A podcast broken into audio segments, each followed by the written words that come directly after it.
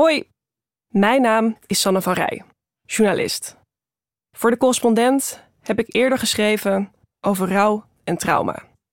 En de komende tijd stort ik me op intimiteit en relaties. Dit stuk gaat over de relatie met jezelf. Zelfliefde. Dat wordt vaak gepresenteerd als iets waar je zelf aan moet werken. Maar wat mij betreft hebben we daar ook de ander voor nodig. En is zelf zelfliefde een wisselwerking. Daar gaan we. Als ik aan mijn moeder denk, zie ik haar nog voor het raam zitten. Daar was het licht het best en kon ze in een spiegeltje haar onzuiverheden bekijken. De meeeters die weggewerkt moesten worden, de groeven in haar voorhoofd. Vind jij jezelf mooi? vroeg ik een keer vanaf de bedrand. Soms, zei ze, maar ik houd niet echt van wat ik zie. Ze kwam een paar jaar later om het leven door zelfdoding. Ik was toen 15 jaar oud. Mijn moeder is jaren depressief geweest voor ze een eind aan haar leven maakte. Op een van onze laatste vakantiefoto's samen is haar buik opgezwollen van de medicatie. En zijn haar lippen samengeperst tot iets wat op een lach moet lijken. Hoe vaak we dat beeld ook bekeken, er moest op die buik worden ingezoomd. Gadverdamme, zei ze dan. Toen mijn moeder er niet meer was, maakte ik het tot mijn missie om wel te houden van wat ik in de spiegel zie. Ook al kon zij het niet langer proberen, mij lukte het misschien. En ik was bang. Bang dat ik mezelf op een dag ook niet meer mooi en interessant zou vinden. Dat ik net zo treurig naar mijn spiegelbeeld zou kijken. Dus ging ik hard aan de slag met mezelf, aangemoedigd door wat ik om me heen had opgepikt. Whitney Houston's The Greatest Love of All stond vaak op in huis. Ze zingt Learning to love yourself is the greatest love of all. Toen ik 18 was, ging ik in de bibliotheek op zoek naar boeken over liefde. Omdat ik graag een relatie wilde. En dat niet wilde lukken. En vanwege de opdracht die ik mezelf had gegeven. In het boek Verslaafd aan Liefde las ik: Geluk ligt in de herkenning van de essentie van de eigen geest. Pas dan kun je echt liefdevolle relaties aangaan. Advertenties in de bladen die ik las deden daar een schepje bovenop. Because you're worth it. Ik ben, net als andere millennials, opgegroeid met het begrip zelfliefde. We hebben geleerd dat we eerst van onszelf moeten houden, voor we in staat zijn een waardevolle relatie met een ander op te bouwen. En als dat niet lukt, moet je dat zelf oplossen. In Generation Me beschrijft hoogleraar Jean Twenge dat dit mantra eindeloos herhaald is in de popcultuur. En door onze ouders. We hebben het geaccepteerd en overgenomen, zonder er echt over na te denken. Ik kan me niet herinneren dat ik het ooit een makkelijke opdracht heb gevonden. Houden van wie ik ben. Als tiener verafschuwde ik de buisjes op mijn rug en hield ik in strakke t-shirts de hele dag mijn buik in. Soms vond ik het cool dat ik een blog bijhield en op theaterles zat. Andere keren schaamde ik me daar juist voor. Hoeveel bemoedigende quotes ik ook op Tumblr las, een rotsvaste liefde was het niet. Nu ik 26 ben, worstel ik er nog mee. Ik ben nog altijd onzeker over mijn buik, zoals mijn moeder dat ook was. En als ik een periode angstig of somber ben, kan ik mezelf meteen vreselijk vinden. Af en toe vraag ik me af of mijn moeder me daarin beïnvloed heeft, omdat zij zo baalde van haar lijf en gemoedstoestand. Ze zei ontelbaar vaak tegen me hoe mooi en slim ze me vond. Maar ik ben bang dat wat ze over mij zei niet het enige is dat is blijven hangen. Toen ik vorig jaar voor het eerst psychologische hulp kreeg, realiseerde ik me pas dat dit soort onzekerheden niet zo makkelijk in je eentje op te lossen zijn. Het zijn diep gewortelde overtuigingen. Ik geloofde eerder dat ik er hard voor moest werken om mezelf klaar te maken voor het leven, de liefde en mijn eigen geluk. Nu vraag ik me af of zelfliefde niet ontstaat door een wisselwerking, waarbij ook een ander nodig is. Eeuwen terug sprak de filosoof Jean-Jacques Rousseau al over eigenliefde. Hij legde de basis voor amour du soi, een van de oudste definities van zelfliefde. Een oorspronkelijke, natuurlijke liefde voor jezelf, die losstaat van andermans mening. Die liefde leren we volgens Rousseau, als het goed is, via onze ouders, zodat we automatisch nastreven wat goed is voor onszelf. Hoe sterker de oorspronkelijke eigenliefde is, hoe beter we kunnen omgaan met invloeden van buitenaf. Met zijn ideeën sprak Rousseau de christelijke traditie tegen, die nederigheid predikt.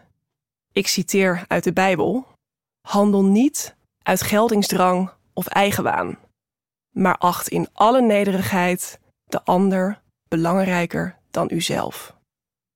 Niets duivels aan eigenwaan, vond Rousseau. Mijn moeder had vooral een negatief zelfbeeld door haar depressie. Ik zag wat zo'n gebrek aan eigenliefde met iemand doet.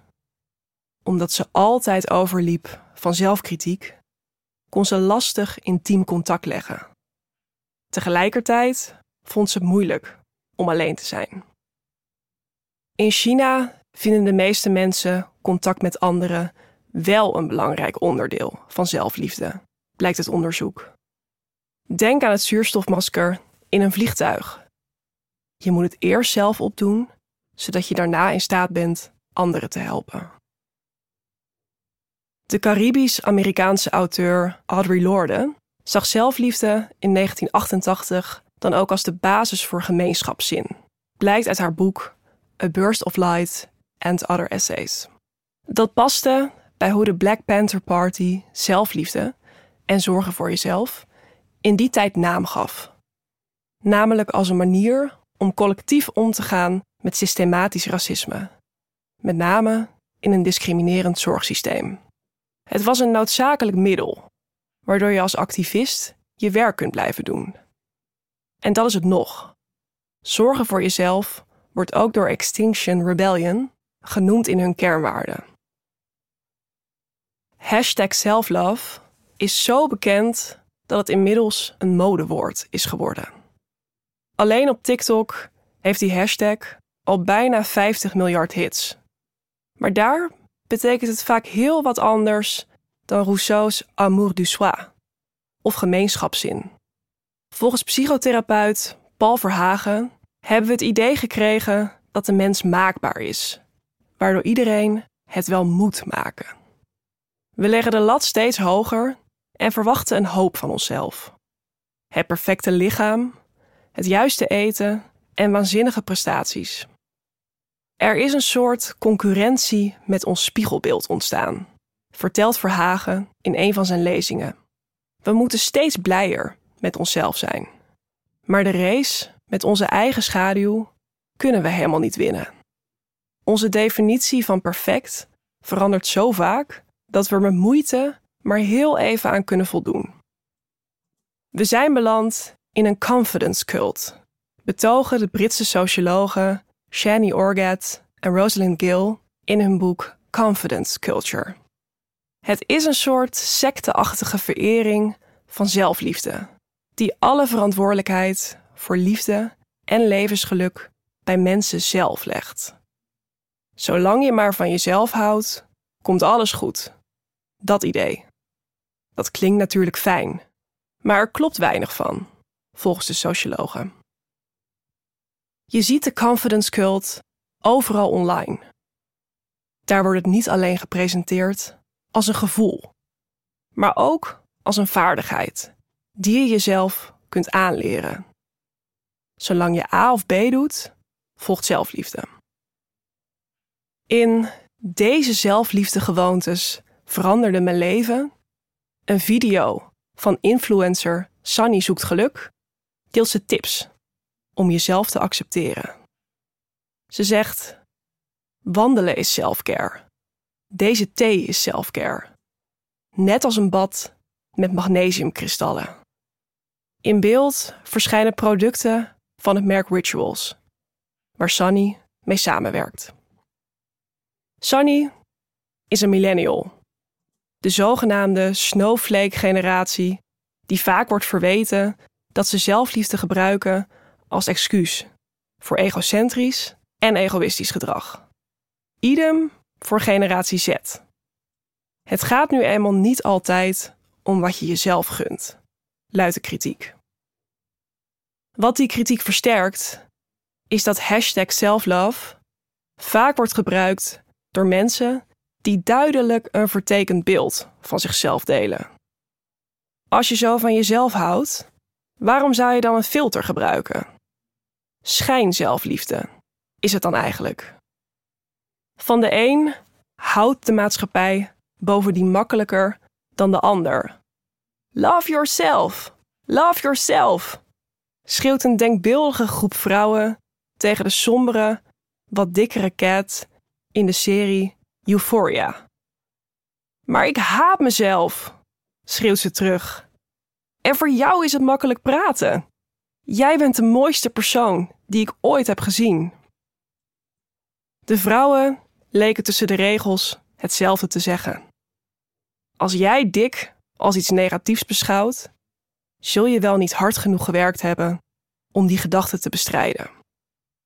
Ik keek in de spiegel nog eens naar mijn buik. Een lichaamsdeel waar ik in mijn hoofd ook snel het woordje vet opplak. Het laatste wat ik wil is dat lelijk of slecht vinden. Toch voelt het vaak wel zo. Mag je houden van jezelf en onzeker zijn? Zou zelfliefde niet juist moeten draaien om ruimte te geven aan die imperfecties? Noem het naïef, maar hashtag self-love posts hebben me door de jaren heen vaak genoeg overgehaald om aan peperdure skincare routines te beginnen. Of elke ochtend om half zeven op te staan om pilates te doen.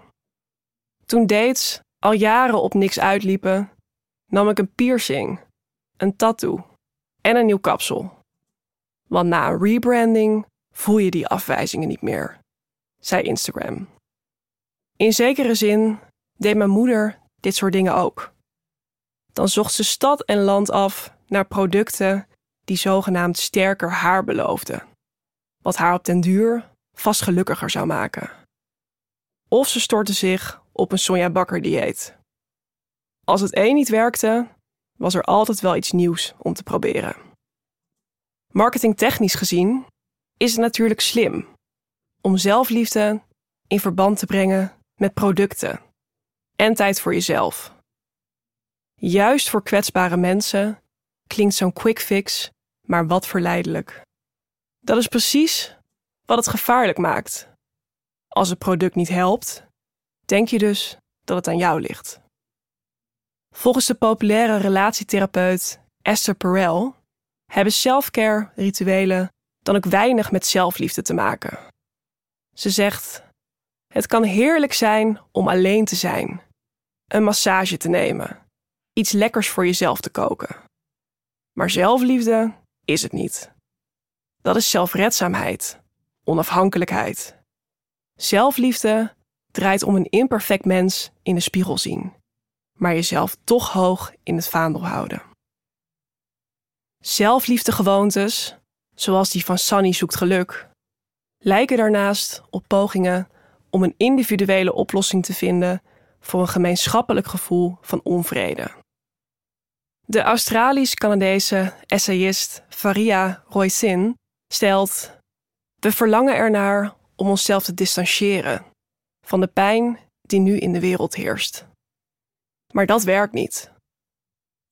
In haar boek Eigen welzijn eerst beschrijft Roxane van Iperen hoe zelfliefde giftige vormen kan aannemen wanneer mensen zichzelf buiten de samenleving plaatsen en veronderstellen dat ze de medemens niks verschuldigd zijn. Zij noemt de groep waartoe mensen die dit doen behoren wellness rechts.